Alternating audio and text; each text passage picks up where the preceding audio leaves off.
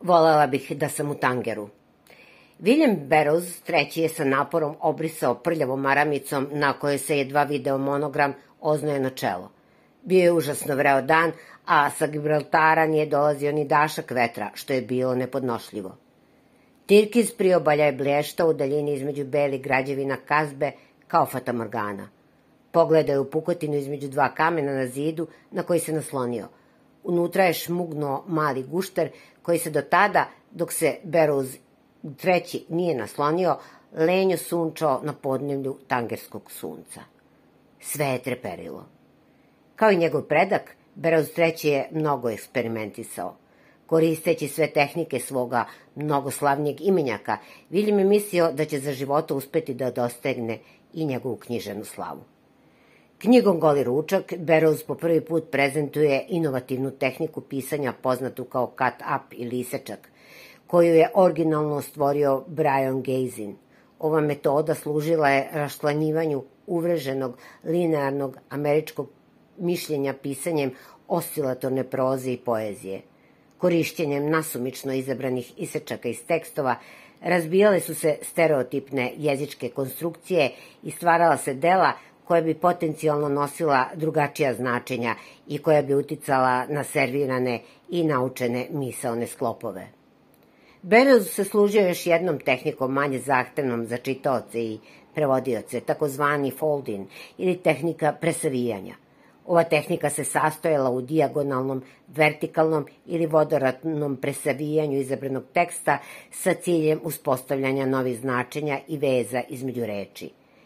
Ekscentrična i smela tematika Barrowsovih dela, homoseksualizam, eksplicitni opisi seksa, flirt sa smrću, narkomanija, kao i radikalizacija jezičkog izraza, činili su njegovu pretka i dalje najslavnijim od slavnih. Beruz III je istina imao pomalo književnog uspeha.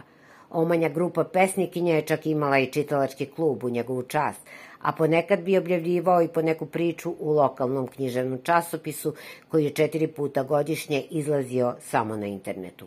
Ipak, internet nije bio lokalno mesto, tešio se on, već velika svetska mreža u kojoj je bilo svakakvih književnih riba. U Tangeru se obrao u avgustu 2017. tražeći Blaženog Sejda, kod koga je zajedno sa mnogim rock zvezdama William Barrows pušio hašiš na vrhuncu svoje slave. Bili su mladi William i tada, kao Barrows treći sada. Sejd Basri Barakat bio je danas jedan od najčuvenijih tangerskih prodavaca umetnina, u čije se strašno modernoj galeriji u prostranoj niši sa strane mogao pušiti hašiš kao nekada – Bila je to bašta u belom karare mermeru sa šadrvanom koji je oplakivao njene skupocene zidove. Michelangelova pijeta plakala u istom kamenu, dodajmo. Sejd je bio bogat čovek. Iako je patio od reume, u Maroku, uvek se po savetu čuvenog japanskog lekara Shigeaki Hinohare, koji je živao 105 godina, zabavljao da bi pobedio bol. Zato je sa nestrpljenjem iščekivao svoga gosta, koji mu je najavljen još početkom godine. Sa nostalgijom se sećao kako je pre 50 godina Tanger bio živ grad. Kako se trošilo i kakve su to lude zabave bile. Ružičasta plava, zabava sa šeširima. Eh, seks i droga, muzika i avangarda, a turisti nisu bili pingvini kao sada. Ruke ne zavlače u džepove, frktao je razdražljivo, gledajući kroz neprobojna stakla svoje galerije na prekrasan centralni trg Kazbe.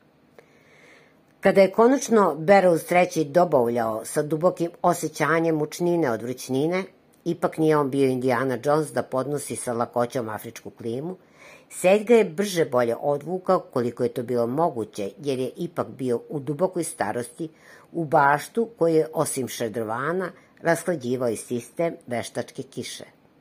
Sluškinja je donela i bokal hladne vode, koji je Berus treći posle prvobitnog halapljivog ispijanja sa zadovoljstvom meračio. Poseo ga je na jedan raskošan otoman i odmah zapalio šišu puno do vrha najboljim Royal Afgani hašišom.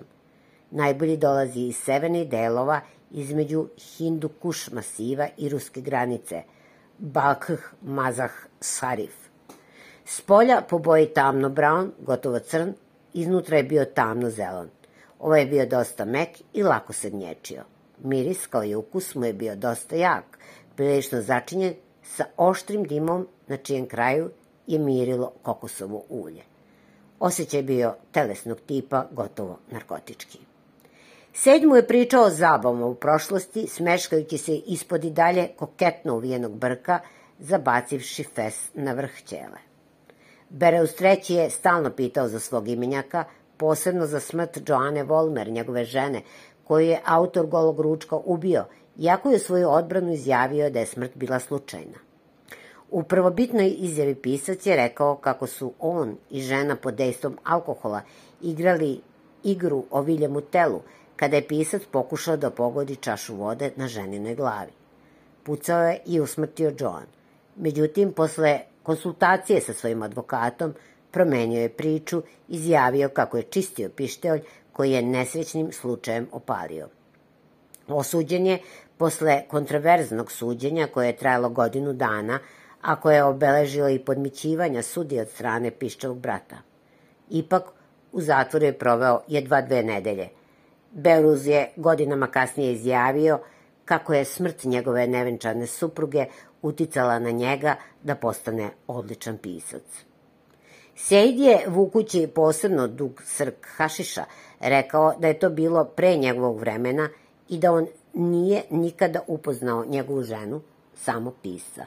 Pitao je Berouz za trećeg, konačno, kada su obojica sedeli već prilično omamljeni, zašto je došao kod njega u tanger. Beruz treći se spetljao trabunjajući nešto inspiraciji hodočašću. Sejd Basri Bakat je povukao još jedan dug srk, pogledao ga preko jantarne boce i mirno rekao Ništa ne treba da tražiš, sve će samo doći. Iza njegovih leđa upalila je puška.